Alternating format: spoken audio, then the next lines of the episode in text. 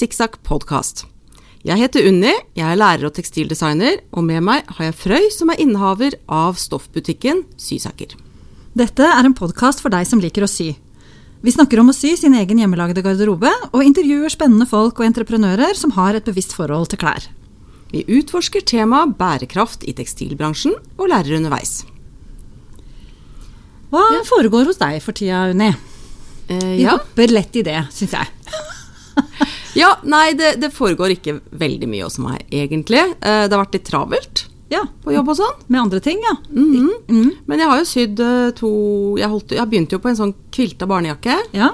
Jeg har sydd to armer, da. ja. Så det går fremover. Eller ermer, som det heter. Ja, ermer. Jeg har sydd to ermer på barnejakka. Ja. Har du satt dem i?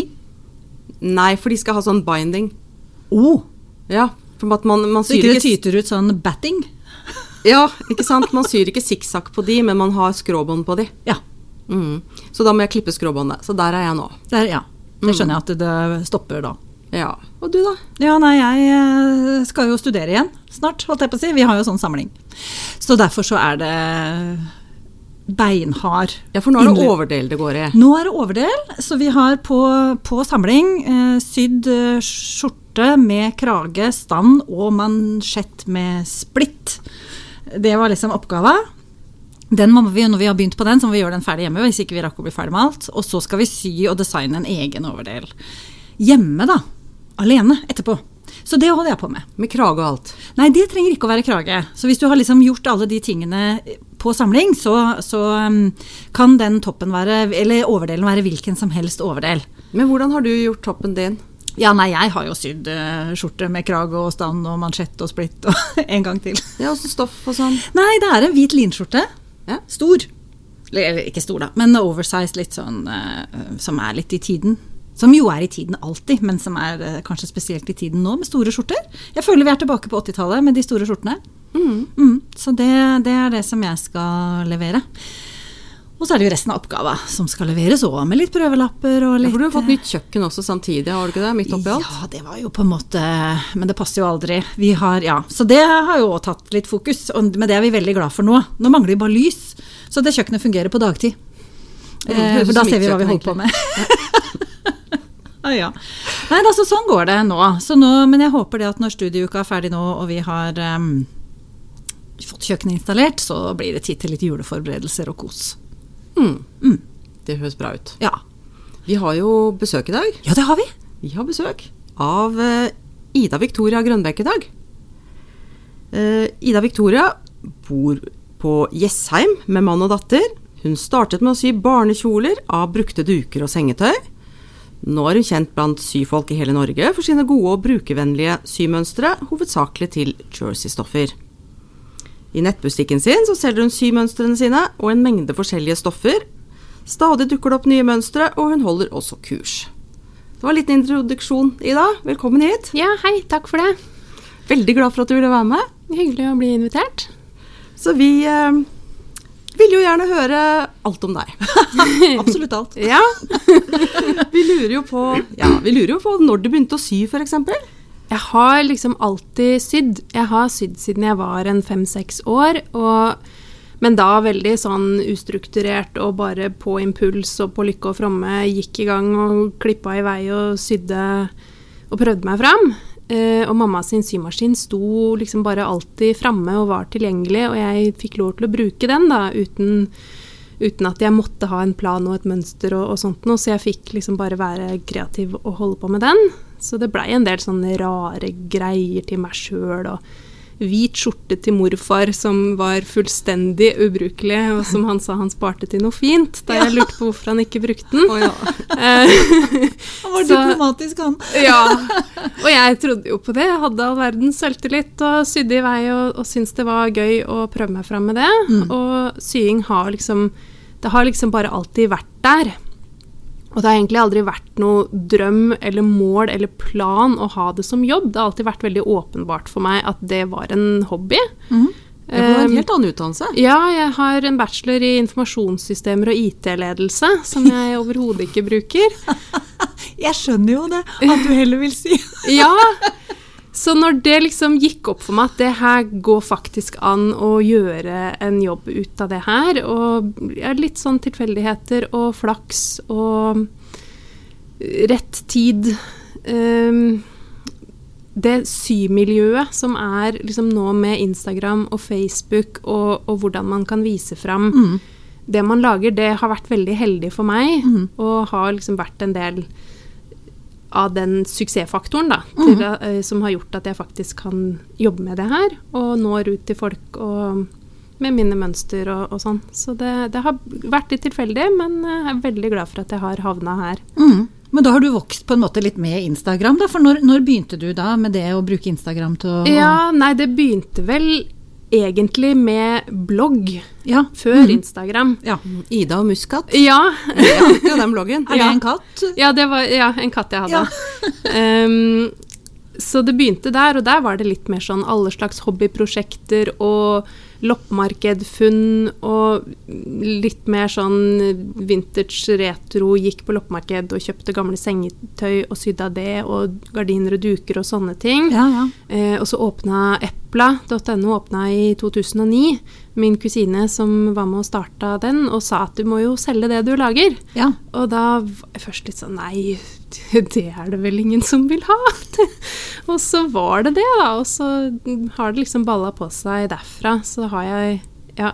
ja. Men da er jo du egentlig en veteran, vil jeg si, da, i det der med å Ja, jeg har holdt være en del av det digitale, lenge. liksom. Og, Ja, eh, ja, så gikk jeg da over på eh, Instagram når det kom, og Facebook eh, etter hvert og sånt noe. Men eh, jeg har nok Jeg har bare vokst med den uh, utviklinga der. Mm. Ja. For det første du Det var Maja-kjolene, var ikke det noe av de første Jo. produktene du lagde? Ja, og det også var jo litt tilfeldig at jeg sydde en sånn til dattera til Torunn, da, som starta Epla. Eh, og det, hun hadde bursdag liksom noen måneder før Epla starta, og det var da Torunn sa at du må jo selge de i en Epla-butikk. Ja. Eh, og så gjorde jeg det, og da var det jo bare én størrelse, for hun var ett år, hun Ja. eh, lille Maja. Så, så det var liksom den ene størrelsen som jeg solgte da de kjolene i, og så vokste mønsteret etter hvert som Maja vokste, og så etter hvert eh, begynte jeg å lage For du tegna det mønsteret selv også? Ja, det tegna Det første du sydde omtrent? Ja, mm. ja, eller jeg hadde jo sydd en Ja, del men- til, til meg sjøl og sånt men det var vel egentlig det første jeg sydde til noen andre som det gikk an å bruke mm -hmm. uh, av noen andre. um, ja. Og så blei den veldig populær, og så var det jo en del som spurte etter mønster også. Og så begynte jeg å tenke på det, at jeg kunne jo eh, digitalisere og prøve meg på å liksom lage mønster av det, og se åssen det gikk. Eh, så Maja-kjolen var det første mønsteret jeg lagde også. Eh, Men da det virkelig tok av, det var jo med Jørskikjolen med sving, som jeg lanserte noen måneder etterpå. Ja, Så den har vært i, i, i sving, hadde jeg nær sagt, så lenge? Nei, eh, mars 2018 var det jeg lanserte det. Ja. så, men da hadde jeg liksom holdt på å sydd, sydd for salg en del og utvikla Maja-kjolen og liksom ja, vokst litt i det små, men fortsatt bare tenkte å ha det som en eh, hobby fram til eh, høsten eh, 2017 var det Mm. starta firmaet, da. ja. Ja. Men altså, har du tall på hvor mange mønstre du har solgt av jerseykjole med sving? Det er noen tusen. Ja. ja jeg har ikke akkurat eh, tallet på det. For det er, eh, da må jeg begynne å leite litt sånn i ulike arkiver. Og jeg har jo relansert mønstre med flere størrelser på et tidspunkt og sånt. nå, Ja, så det er ja. jo Ja. Ja, men Det er i hvert fall imponerende for de som følger med i symiljøet. har jo sett den. Den er jo overalt. Ja, alle alle syr den. Ja. Jeg har sydd den, da. Å ja, du har det? Ja, ja, Ja, jeg føler meg kanskje som den eneste som ikke har sydd den, så jeg, jeg henger etter. Men, eh, men det er i hvert fall et tydeligvis et veldig godt mønster som folk er veldig begeistra for. Og, og du har jo laga mange varianter og utvikla det etter hvert òg, så den, for det det er jo mange jo- som er glad i det. Det er jo et veldig enkelt mønster. Det Mm. er jo ikke all verdens design og finesser, og det er jo bare veldig enkle mønsterdeler. Enkelt mønster, men det gjør jo at det er lett å tilpasse. Det passer til mange, og jeg har jo lagd som sier, veldig mange varianter av det. Ja, Med kan- ermer og med smalere skjørt og med litt av hvert. Ja, så det er jo så mye å gjøre med det. Uh, så det er et veldig greit sånt grunnmønster. Men jeg Veldig har jo fint nybegynnerprosjekt òg, da. tenker. Ja. For det er det jeg tenker, Hvis du sier at det er et enkelt mønster, så, så kan jo det være en kjempefin inngangsport for mange. ja, Det tror jeg det er òg. og jeg har jo hatt fullstendig nybegynnere på kurs også, som Ja. er sånn damer i 50-åra som sier de siste sist de sydde, var de tok symaskinsertifikat på barneskolen. Ja, det er sånn som meg. Ja. og de har jo fått kjempefine kjoler og Ja. sånt, så det er kjempegøy at, eh, at det er en veldig grei inngang da, til Ja. å begynne å sy. Og jeg har jo inntrykk av at det er virkelig flere og flere som begynner å sy hele tida. Mm. Eh, har inntrykk av at symiljøet i Norge vokser og vokser, og har gjort det egentlig ganske mye de siste åra, Mm. siden jeg starta. Jeg begynte jo å sy sjøl i 2017. Ja, Eller 18? Ja, nå ble jeg usikker. Men, eh, men ikke sant, det, det var jo Og da har jeg gått og tenkt på det. I, I 20 år og 25 år og kanskje nesten 30. At Ja, eh, så å, du har- du hadde tanken gang, der liksom. hele ja. tida? Ja, Ja. ja, men, men eh, aldri Nei, og så blir det jo en periode, så har du ikke tid, og så er det ditt og datt, da. Men, men, men jeg syns jo òg det der symiljøet på, på Instagram utrolig positivt og gøy. Og Ja. man får se så mye av hva folk får til, og hva Ja. det går an å sy. Og det er så mye eksempler der ute. Og, ja veldig og- inspirerende ja, du å gir, ha det miljøet trua. rundt seg. Ja, Mm. Får litt trua på at du kan få det til, da. Ja. Mm. Men gode nybegynnermønstre hjelper jo veldig. Fordi du får en suksessopplevelse Ja, med ikke en gang. sant. Og så prøver jeg også å gå gjennom alle mønstrene på at jeg filmer uh, underveis. Det er jo framgangsmåte sånn uh, enten på den sysnappen eller lager instruksjonsvideoer. Ja. Og da er det jo også mye lettere å komme i gang når Ja. du ser åssen det faktisk skal gjøres, og ikke må lese en, eh, en teknisk veiledning som uh, Ja, og sette seg inn i det. Det er jo en av de tingene som jeg syns du er spesielt flink til. ikke sant? At du eh, akkompagnerer mønstrene dine av en, med en film. Ja, takk. Ikke sant? For det, er, eh, det kommuniserer jo utrolig godt. Ja, og jeg sjøl liker jo ikke å sy av andres mønster, for jeg hater å sette meg inn i hvordan noen andre har tenkt om ting. Ja. Eh, Så jeg prøver på en måte litt å henvende meg til andre som meg, da, som ikke nødvendigvis tar det sånn kjempelett i sånne instruksjonshefter og sånt noe, som kanskje helst ikke leser det. Mm. Men, eh, Men jeg legger jo mye tid i heftene også. Jeg har sett heftene dine, de er jo ikke dumme de heller. Det er veldig bra. Ja, nei, for jeg er jo litt sånn at jeg, jeg supplerer gjerne med en video hvis jeg kan, men, men jeg kan bli litt sånn stressa og stoppe og starte, og hva var det de viste nå? Så jeg syns faktisk det er godt å ha en sånn skriftlig ja, med bilder. Ja, nei, så begge deler tenker jo jeg er fint, da. Og- Ja, og så kanskje se det først, og så Mm. ha instruksjonen ved siden av seg når man faktisk setter seg ned og syr. For da Ja. husker du hva du har sett når du ser noe. Sånn gjør jeg det ofte, da. Mm.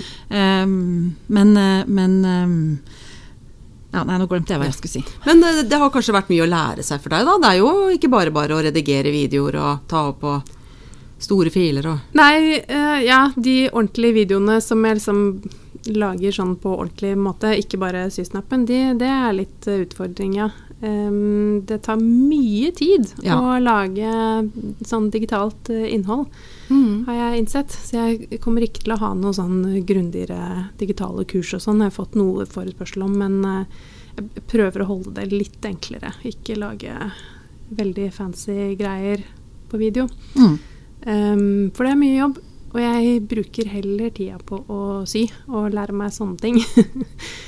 um, Ja, men det er helt sant. Jeg har jo laga et par sånne online-kurs, og da filmer vi jo i 14 dager, og så sitter det jo en fotograf som kan det og redigerer Ja, nei, det i ukevis etter ja. det, ikke sant. Ja. Det, er, det er ganske stort um, ja. apparat, men, men jeg ser jo at det er veldig vellykka det du gjør òg, som er på en måte du, du får jo vist hva man skal Ja, gjøre. jeg gjør jo Eh, og, og, og det er ofte ikke så mye Ofte trenger man bare et lite hint, på en måte, og så får man sett det, og så trenger man ikke alltid detalj. Så det er jo litt forskjell på ja, nei, Hva man jeg har tenker jo det skal inntrykk være. av at de sysnap-dagene mine er vel så informative som en sånn litt skikkeligere video som jeg har brukt lengre tid på. Mm.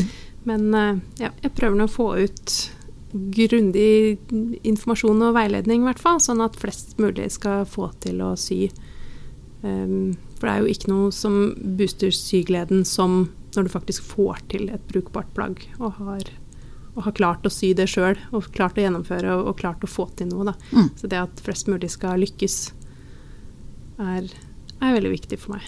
Vi hadde jo, vi hadde jo innom um, Vi snakka med Guro Flåten på, på det digitale sy, sytreffet som vi hadde nå nylig, og da sa jo hun det at eh, nei, det var noe hun tenkte hun kunne få til, og fordi hun fikk det til første gangen, så har hun fortsatt med det. Ja, ikke og nå sant? vant hun symesterskapet. Men jeg tror du har så rett i det. Ja. At det å, det å klare det når du først setter i gang, og, Ja, og det kommer noe brukbart ut i andre Ja, det er vidunderlig. Vet Ja. du. Ja. Og jeg syns jo det er ekstra gøy. Og jeg synes, som, som jeg sa, jeg har jo fulgt deg helt fra, fra du begynte å blogge og sånn. Og, og, og du sier jo selv at du egentlig føler at du er litt tilbaketrukket og ikke så glad i sånn markedsføring og, og, og stå i fokus og sånn. Og da er det jo veldig gøy at det er det du får til så veldig godt, da. Med de videoene og, og det at du byr på deg selv og viser bilder av kjolen, ikke sant. Og det er jo veldig gøy å se det på en modell og bilder som er gode og klare og Du må jo sy utrolig mye, tenker jeg. For det er jo stadig, altså Instagrammen er jo full av Og så er det ja, en liten, et bilde, en liten filmsnutt. Du snurrer rundt for å se hvordan det snurrer, og, og nye stoffer. Du har jo sydd Ja. en kjole omtrent før du har fått stoffet inn i butikken, får jeg inntrykk av og til. Ja, det kanskje. Jeg syr jo ganske kjapt. Jeg syr mye, og det er viktig å vise fram det jeg syr. Vise eh, hva, eh, hva man kan sy av de nye stoffene jeg får inn. Vise ulike varianter av mønstrene, og bare være aktiv på da spesielt Instagram hele tida. Så jeg føler at jeg er veldig heldig som har den plattformen eh, til å vise fram alt jeg syr, da. Mm. Um, og inspirere andre og vise hva man kan gjøre av, av de ulike stoffene og mønstrene og kombinasjoner av de. mm. Så nei, det er veldig, veldig fint med den plattformen. Ja, for hva inspirerer deg? For du inspirerer jo andre, men hva blir du inspirert av når du tenker ut nye mønstre? og- Det er vanskelig å si. Det kommer liksom Det er også noe med når man først er inne i en sånn kreativ boble og gjør veldig mye forskjellig, så blir det bare flere og flere ideer også. Er, jeg går liksom ikke tom for ideer. Jeg har så mye jeg har lyst til å si. Jeg har så mange påbegynte mønstre som jeg har lyst til å jobbe videre med. Uh, og jeg ser, jo, jeg ser jo hva andre syr. Jeg ser jo klær rundt meg både på, på nettet og i verden, liksom. Ja, ja, ja. Um, og plutselig ramler det inn en idé om noe jeg har lyst til å prøve, og så går jeg løs på det. Og det morsomste med jobben min, det er jo det der å begynne på nye mønster. Uh, og liksom begynne å tenke hvordan jeg skal løse noe og lage noe. Jeg syns det er eh, veldig mye morsommere enn å sy noe som på en måte noen andre allerede har planlagt. Den der planleggingsfasen og, og innledende en sånn inspirasjon Når jeg bare forter meg og gyver løs på et eller annet og klipper i vei og, og prøver ut en idé, det er kjempegøy. Um, men det kommer nok inspirasjon fra veldig mange ulike hold, altså. Og det kommer liksom hele døgnet, og det blir veldig mye Det blir veldig mye tid nede på systua. ja. Ja. Og den er hjemme hos deg. Den er hjemme, og det, det er jo på godt og vondt. Eh, Jeg jobber jo veldig mye. Og jeg kan jobbe når som helst gjennom hele døgnet, for det er jo bare å gå ned eh, i underetasjen. Ja. Ja. Um, så jeg setter veldig stor pris på det å ikke ha noe reisevei til jobb, og det å kunne Det at jeg jobber hjemmefra og jobber så mye det, ha, altså, det hadde jo ikke gått å jobbe så mye hvis jeg måtte være et annet sted å jobbe. Eh, så jeg er jo tilgjengelig for familien min liksom hele døgnet, samtidig som jeg også er på jobb hele døgnet. Mm. Så det blir jo en sånn miks av veldig gråsone jobb og privatliv eh, der, Ja, hva syns mannen din om det, å, å leve sammen med en gründer? eh? Nei, det er, han er jo veldig glad for at det går bra, og stolt av meg som har fått til det jeg har gjort. Men uh, han syns jo, kan jo synes at det hadde vært hyggelig å, om jeg hang litt med han på kveldene litt oftere, kanskje. Han må Så- komme ned trappa han òg, da. Ja. Så blir han henge der. Han også. Ja. Nei da, så vi prøver jo å sette av litt sånn tid og har noen sånne sammen TV-serier som vi ser på sånn, ellers hadde jo ikke jeg orka å sitte foran en TV i det hele tatt, for jeg vil bare ned og sy. Mm. Um, ja. Så jeg, jeg prøver det å balansere det sånn. Jeg tror det går ganske greit. Ja, ja. Ja. Eh, Men jeg tror det er mange gründere som har det sånn. For Ja. det er som du sier, ideene bobler, og, og når du har mange ideer, så trenger du tid til å teste dem ut for å se hvem du skal forfølge, og da går det døgnet rundt, altså. Ja. Jeg har jo også opplevd å måtte stå opp og bare gå ned og notere noe, kanskje legge fram et stoff og legge på en liten notatlapp på det. og litt sånn. oh ja, og så gå hjem og gå og legge deg etterpå, og liksom, legge for, å, sove, for ja, å klare å sove ja, videre? Ja, for tankene går jo hele tida. Men, eh, men jeg trives med det, Ja, så det er bra. det er veldig bra. Ja. Det tror jeg vi er mange som er glad for. Mm. Og moren din hun lagde vel også noe symønster og sånn da du var liten, gjorde hun ikke det? Nja, til seg sjøl. ja, uh, hun Hun syr hvis hun må, Uh, fordi hun vil ha noe som hun ikke finner andre steder, f.eks. Mm. Eh, Men hun er en veldig annerledes type enn meg når det gjelder å sy. Skal, der skal det planlegges veldig grundig. Der skal det klippes på millimeteren. Eh, sånn, så hun har jo vært litt sånn forskrekka de gangene jeg som bare har klippet i vei uten, uten noe sånn uh, synlig plan, da. Um, det ville hun aldri finne på i det hele tatt. Der skal det planlegges grundig, og hun skal være helt sikker før hun klipper noe, og hun er kjempenøyaktig. Eh, så de gangene det, den egenskapen trengs, så, så gjør jo hun det mye bedre enn meg i det å sy. Men jeg får jo da sydd mye mer, testa ut mye flere ideer, og jeg tror at hvis jeg skulle hatt en sånn krav om å holde på sånn, så hadde jeg ikke fortsatt å sy. Nei. For det hadde ikke jeg hatt tålmodighet til. Det passer ikke for deg. Nei, Nei. men samtidig setter jeg jo utrolig pris på de tingene hun lager, og den detalj...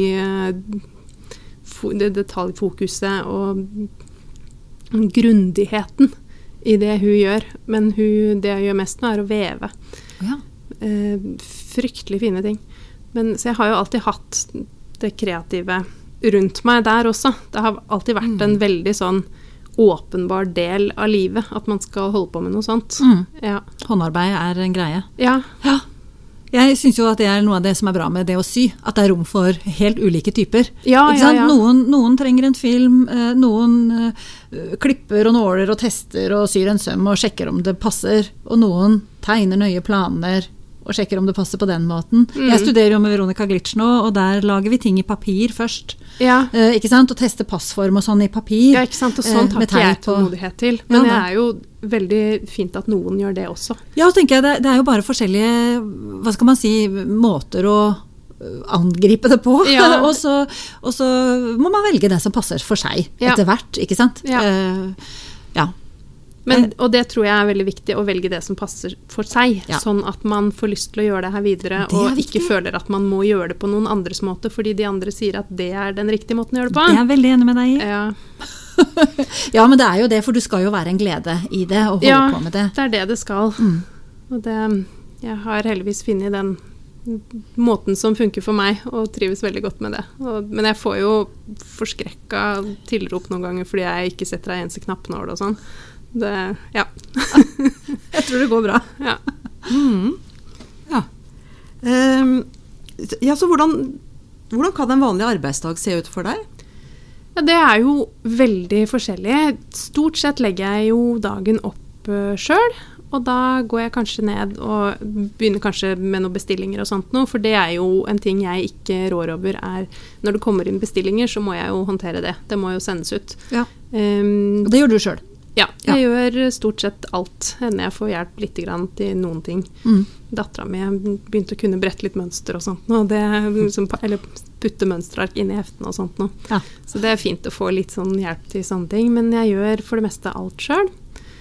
Eh, men jeg er jo også veldig sånn impulsdrevet, så jeg er ikke sånn som har en plan om at på tirsdag tar jeg regnskap opp, på onsdag sender jeg bestillinger og liksom sånt noe. Jeg ja, begynner gjerne med bestillinger, og så når jeg er à jour med det eller ikke gidder mer, så begynner jeg kanskje å sy noe, eller eh, eller jeg kan begynne å omorganisere noe, eller plutselig sitter jeg og designer et eh, postkort som skal Altså fordi jeg fikk en helt annen idé. Ja. Um, og så Nei, så hopper litt fra det ene til det andre. Og sliter litt med å skulle ha én ting som jeg gjennomfører før jeg går til den neste. Derfor har jeg f.eks. aldri klart å ta tida på hvor lang tid jeg bruker på å sy en gjørsekjole med sving, som det er mange som spør om, så jeg har tenkt mange ganger det skal jeg ta tida på. Da gjør jeg det. Og så da begynner jeg nå, og så stopper jeg tida når jeg er ferdig.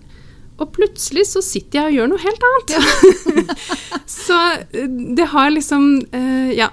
Jeg har eh, Det er veldig sånn impulsdrevet, og jeg er glad for at jeg kan holde på sånn, da. Um, Det hadde hadde kanskje vært vanskelig i en, en vanlig jobb, hvor noen skulle sitte og passe på hva du holdt ja, på med. da, ja, Mm. da dør liksom den derre kreative Mm. uh, strømmen litt, da. Hvis jeg må, må gjøre et eller annet spesielt. Uh, nei, så det er veldig, veldig varierende og impulsdrevet, og plutselig jobber jeg med noen nye ideer, eller så tar jeg opp igjen et mønster som jeg jobba med for et halvt år siden, som jeg egentlig ikke hadde tenkt å jobbe med videre med i dag, men så blei det det allikevel. Det er litt sånn opp og ned. Ja.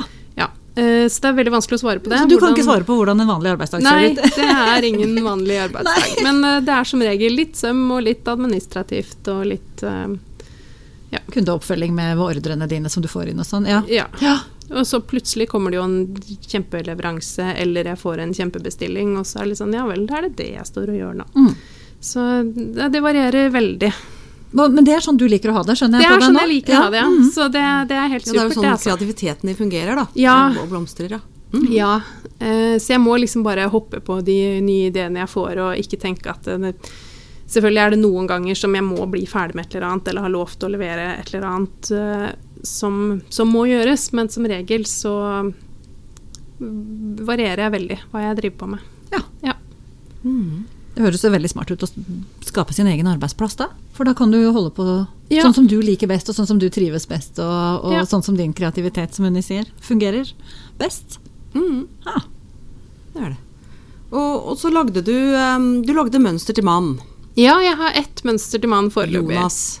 Ja, en, en, sånn enkel trøye. Hvordan uh, selger det i forhold til uh, de Jeg Andre selger nok aller mest til, til dame. Det Jeg selger mer til dame enn til barn, eh, og også da mer, eh, mer til dame enn til mann. Mm. Jeg har inntrykk av at de fleste av mine kunder liker veldig godt å sy til seg sjøl. Ja, for det har jeg også. for Jeg tenker liksom, Ja. det, det, må jo være fint å ha noe mønster så man kan sy noe til menn. Ja. Men man vil jo helst sy til seg selv. ja, ikke sant? Det er mye av det. Og så er det nok Jeg legger jo merke til at veldig mange av mine kunder speiler meg på mange måter, da. At eh, ja, de jeg treffer best, er nok de som kanskje er likest meg sånn med ja, i stil og, og hvordan, hvordan de vil sy. Så jeg liker jo best å sy til meg selv. Eh, og det tror jeg på en måte speiles i, i kundene mine. Det er nok naturlig. Ja, Ja, Man finner jo sine folk, liksom. ja ikke sant? Men jeg, eh, ja, jeg, jeg har jo en mann som stadig mener at jeg burde sy noe til han. Men noen ganger kan jeg få litt sånn derre Ja, hvis de vil ha hjemmesydde tøy, kan vi ta litt ansvar sjøl, da. Ja. Men det er jo hyggelig at du finner noen mønstre, hvert fall etter hvert. For det, det tror jeg er mange som sliter med. Og noen har jo nok lyst til å sy Ja. til sine menn. Jeg Ja. hører om det. Mm. Ja, ikke ja, så er det jo selvfølgelig menn som syr. Ja, det er det ja, også. det er jo Ja. noen få. De er jo det viktigste, tenker jeg, å Ja. å eventuelt lage noen mønstre til. Og Ja. så etter det vil jeg si de som skal sy til en mann, da. Ja, men jeg jobber med flere herremønstre. Altså. Jeg har lyst til å komme med flere. Er det ikke noen Og- boksershortser? Jo, boksershorts Ja. er på gang. Det Ja. som er litt irriterende, er jo at jeg kan jo ikke prøve det på meg sjøl og finne ut om den funker. Så jeg, må, jeg er jo helt avhengig av at da mannen prøver og, og gir tilbakemeldinger. Sånn, så det er jo en litt treigere prosess da, enn når jeg syr til meg sjøl. Ja. Fordi det jeg starter med, er alltid å sy noe til meg sjøl. Og når jeg er fornøyd med det jeg syr til meg sjøl, så begynner jeg å digitalisere og gradere til flere størrelser og sånt noe. Eh, Men det er liksom alltid der prosessen starter, at jeg syr noe som jeg må bli fornøyd med.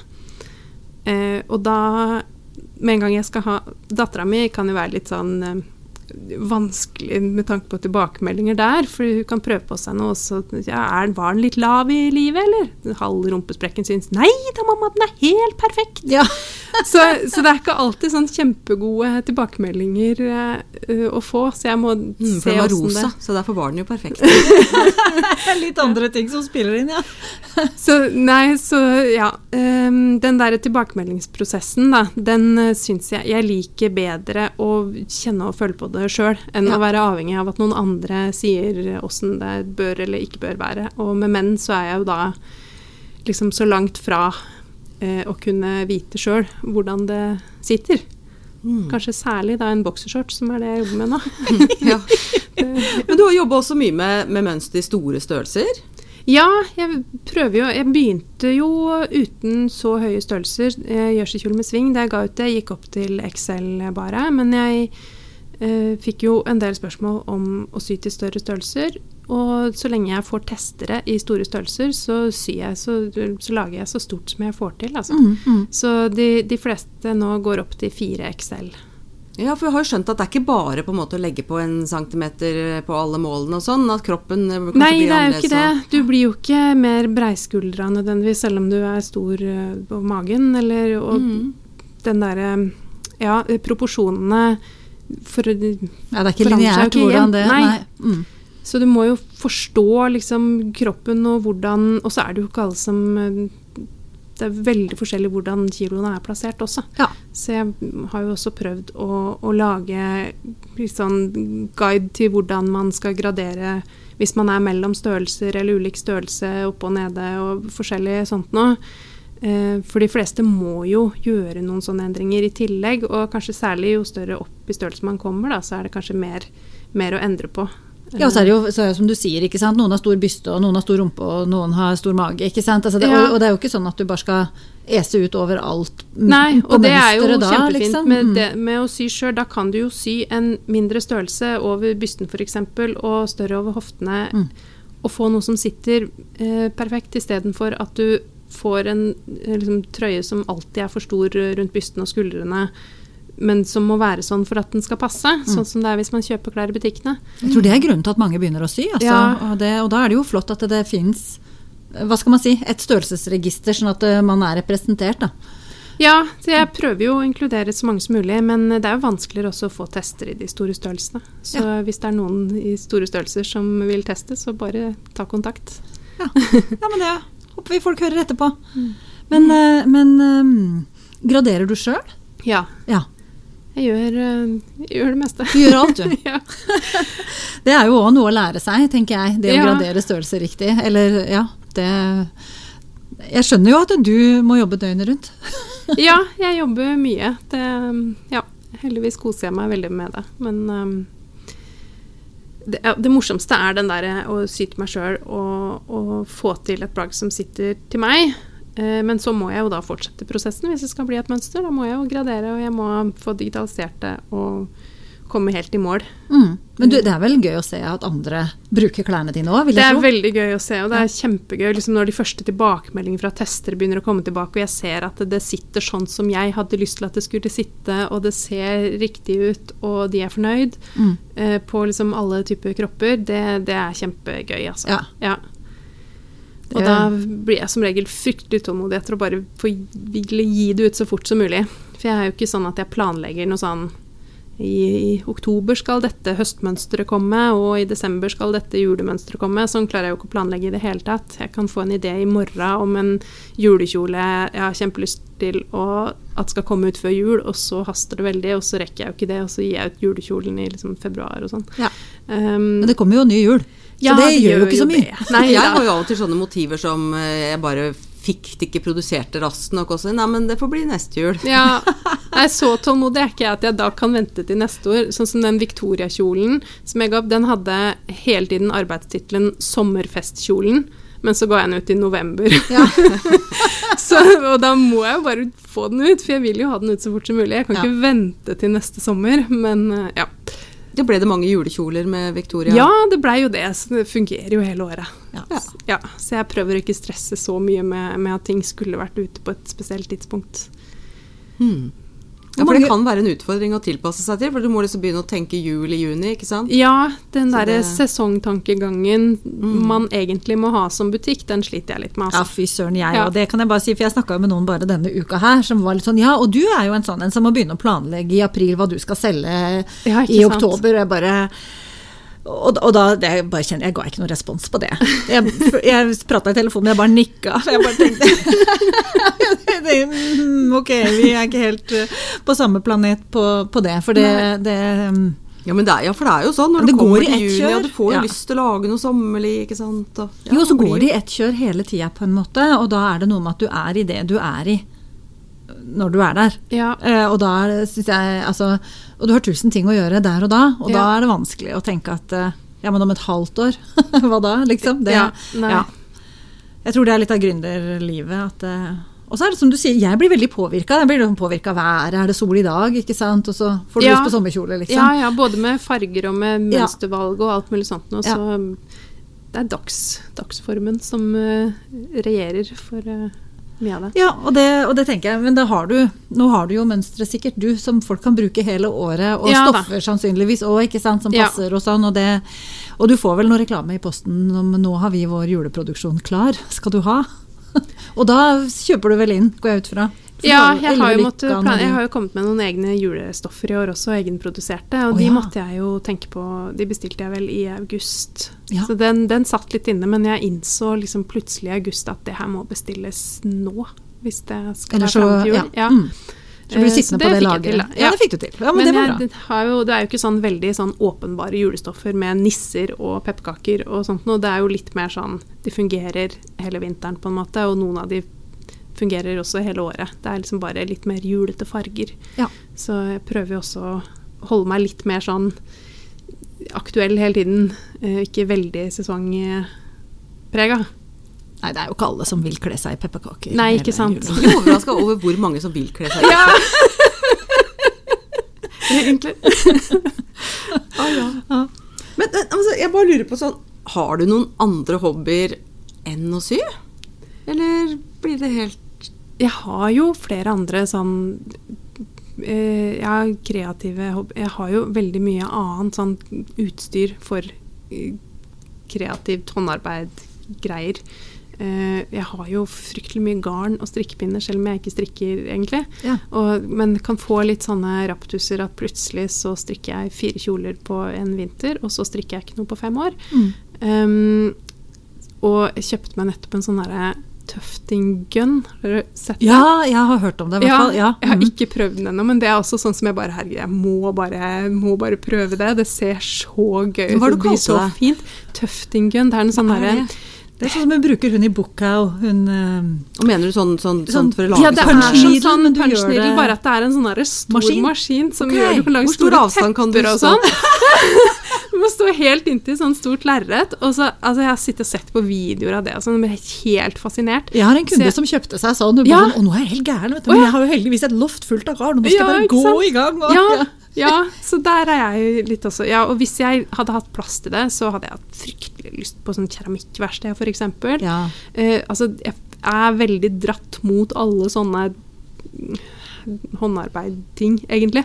Mm. Ehm, og har holdt på med veldig mye opp igjennom, og har jo stort sett alltid Hvis det er noen som trenger et eller annet eh, og spør meg om har du en sånn og sånn eh, nål eller eh, et noen pappgreie til å lage det Altså jeg har veldig mye greier Ja. som jeg har samla på meg opp gjennom åra. Ja. Eh, og så er jeg også veldig glad i å holde på ute i hagen. Og det ønsker meg veldig drivhus. Veldig misunnelig på Unni sitt drivhus.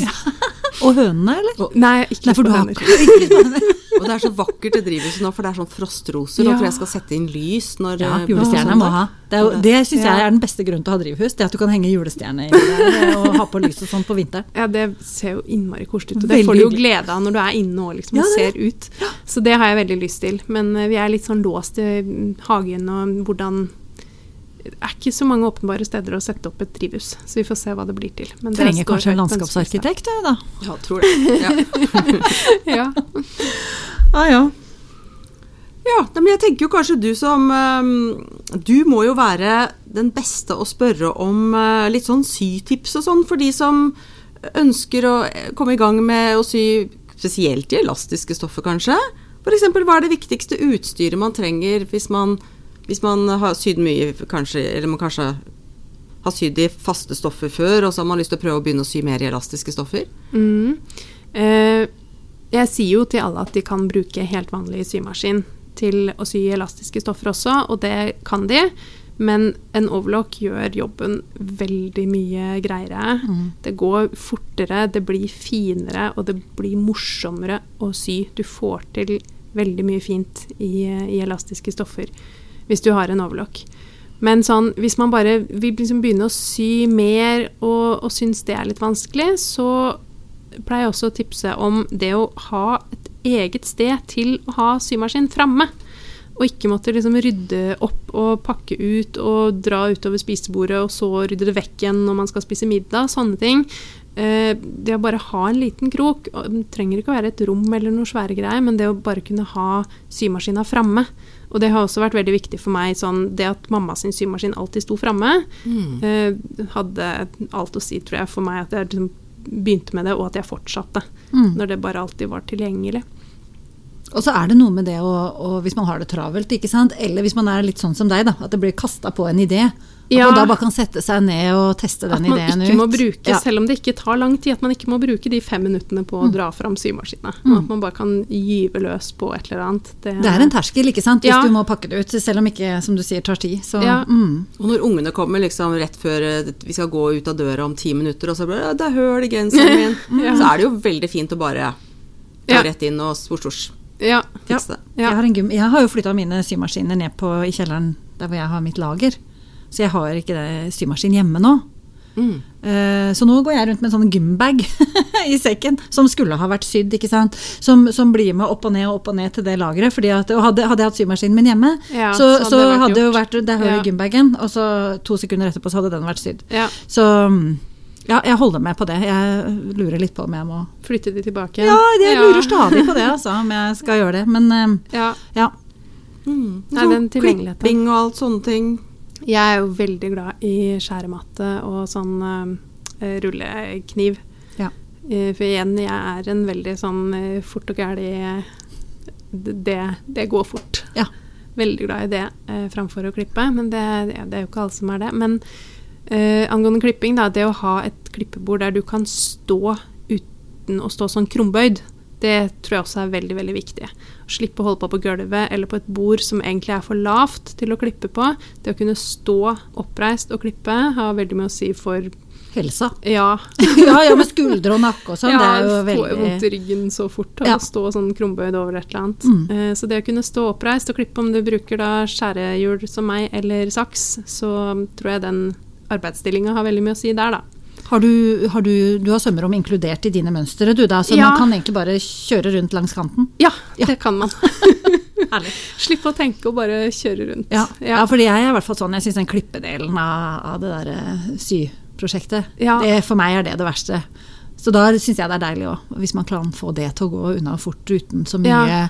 uten så mye heft og ubehag og som du sier, krabbing rundt og alt det der. Ja, Ja, det gjør min terskel lavere for å komme i gang med et prosjekt, i hvert fall. Ja. Men har dere hørt om de der projektorfolka? Ja, Ja. du, det høres kult ut. De som henger Ja, det- projektor i taket Ja. også. Eller det er vel det de gjør? Jeg har sett jeg på det, for jeg på har- at du ja, jeg har får fått spørsmål om det, og jeg har sett masse på det, men jeg blir liksom ikke helt klok på det. Det er veldig mange av de prosjektorene som anbefales som ikke er i salg lenger, og finner liksom ikke helt ut hva jeg skal kjøpe.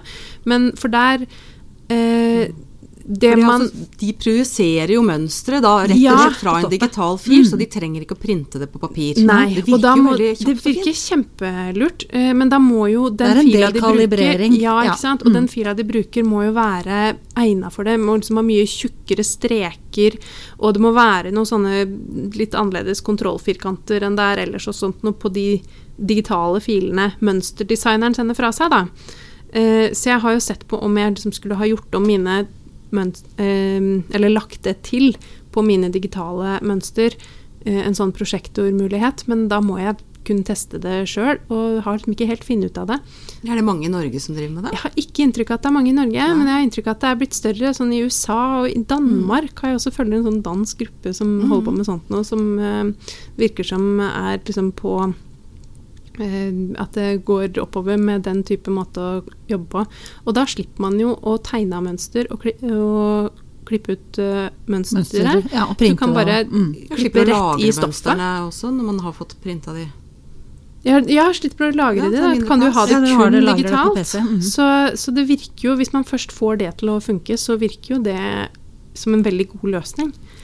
Jeg, Jeg- kan tipse da om hun eh, igjen, det har jeg gjort før, men hun som heter Minimalist Machinist på Instagram. Ja. Hun som heter Rachel, hun, eh, hun er sånn som nøler på alle mulige sånne ting. Og de har hengt opp en sånn, jeg tror hun har beskrevet hele prosessen, og der, Ja. der er det alt, for hun er, sånn, hun er jo sånn dataingeniør i utgangspunktet. Sånn at der får du en veldig sånn grei, hun, og hun er en sånn som deler. Så det er Ja. sånn, sånn gjør du det, og sånn og sånn. Det er sikkert prosjektortips og all verdens ting. Det er jo selvfølgelig på engelsk, men, men, men hun er sånn grundig, Ja. som deler alt av info om, så der tror jeg hvis du gidder å gå inn der og sjekke, så Ja, men vi har faktisk kjøpt et sånt digitalt kurs i hvordan lage prosjektorfiler. Ja. Men jeg har Ja, ikke kommet så langt. Jo, men jeg tenker på, hun, Ja. hun er mer på det der med å For hun, hun bruker Ja, syvmønstre. og- Ja, altså hvordan du Mm. henger opp hva sånn prosjektoren, programvaren Ja, ja, ja. Altså, ja. ja. Nei, Men det jeg du er må ha- kjempeinteressert i å finne ut mer av det der, for det virker veldig spennende. Men det jeg tror du må ha, er vel en sånn fil hvor du kan ta vekk noen størrelser. Ikke sant? Ja, så at ikke du- får alle strekene Ja, du må kunne ta bort størrelser, og du må ha tjukkere streker. Mm. Ehm, og hva mer var det da? Det er noen sånne eh, testfilkanten. Skulle det ikke helst være svart-hvitt også, ikke farger? Nei, fargene vil jo ikke vises på samme måte der, så da må det jo Det, det er ganske sånn Ja, er stor. Endring på den digitale fila.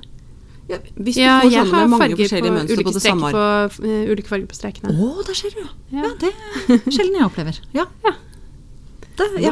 Det fins. Det fins. Jo, jeg har sett det i Burda, men det er jo i hvert fall sjanseløst på prosjektor. Tror jeg vi kan være enige om at det ikke er Ja. for dem. Ja, men det var jo, ja, det var jo litt sånn prosjektor. Eh, men, men eh, Ja, men vi hadde sytips, ja. Høyt bord. Eh, Ja, overlock. Hvis du har råd og plass til det, så vil jeg virkelig anbefale en overlock. Hvis du Hvor skal mange sy- symaskiner har du i deg, Victoria? Oi. Uh, Nei Det er vel kanskje 20. Men da er det noen til kurs òg. Ja. Det er ikke sånn at du har 20 forskjellige forskjellige maskiner nei, du jeg hadde ikke hatt så mange maskiner hvis jeg ikke skulle holde kurs. Mm. Ja, så det er kursmaskiner. Ja, men det er Ja, greit. men det er, da, da er det greit. når det er sagt, så er det veldig greit å ha så mange maskiner stående og bare ha fem coverstitcher med ulik tråd. Så kan jeg bare flytte meg fra maskin til maskin, liksom, istedenfor å å bytte hele tida. Ja. Ja. For jeg er veldig der at jeg bytter tråd til eh, prosjektet. Jeg Ja. bruker alltid riktig farge på tråden. Mm. Så da er det veldig greit å ha flere tredd samtidig. Sy bare, jeg sy bare blått denne høsten. Ja. Ah, ja. Ja. Nå er vi kommet på Nå ser jeg på det siste spørsmålet Unni, som du har skrevet ned her. Det er, er vi jo spente på. Hva slags tanker har du om videreutvikling av Ida Victoria til det nå? Er du, har Oi, du planer? ja, nei, altså jeg er jo like dårlig på planlegging der, egentlig. Jeg tar det som det kommer. Jeg, eh, da jeg starta firmaet, så, så trodde jeg at jeg skulle drive mer med å sy ferdig plagg for salg, f.eks.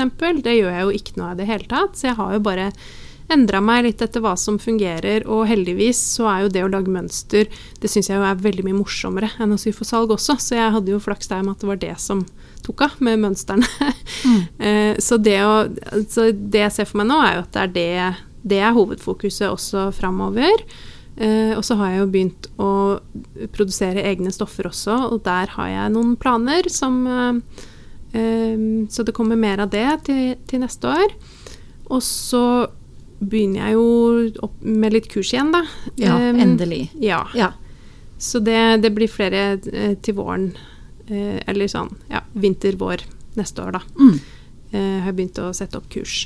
Så nå er det i hvert fall det jeg ser for meg, at jeg kommer til å gjøre mer av det samme. Eh, det har, Men du er ikke typen som har femårsplan og tiårsplan? Nei, overhodet ikke. Har vi nesten skjønt. Ja.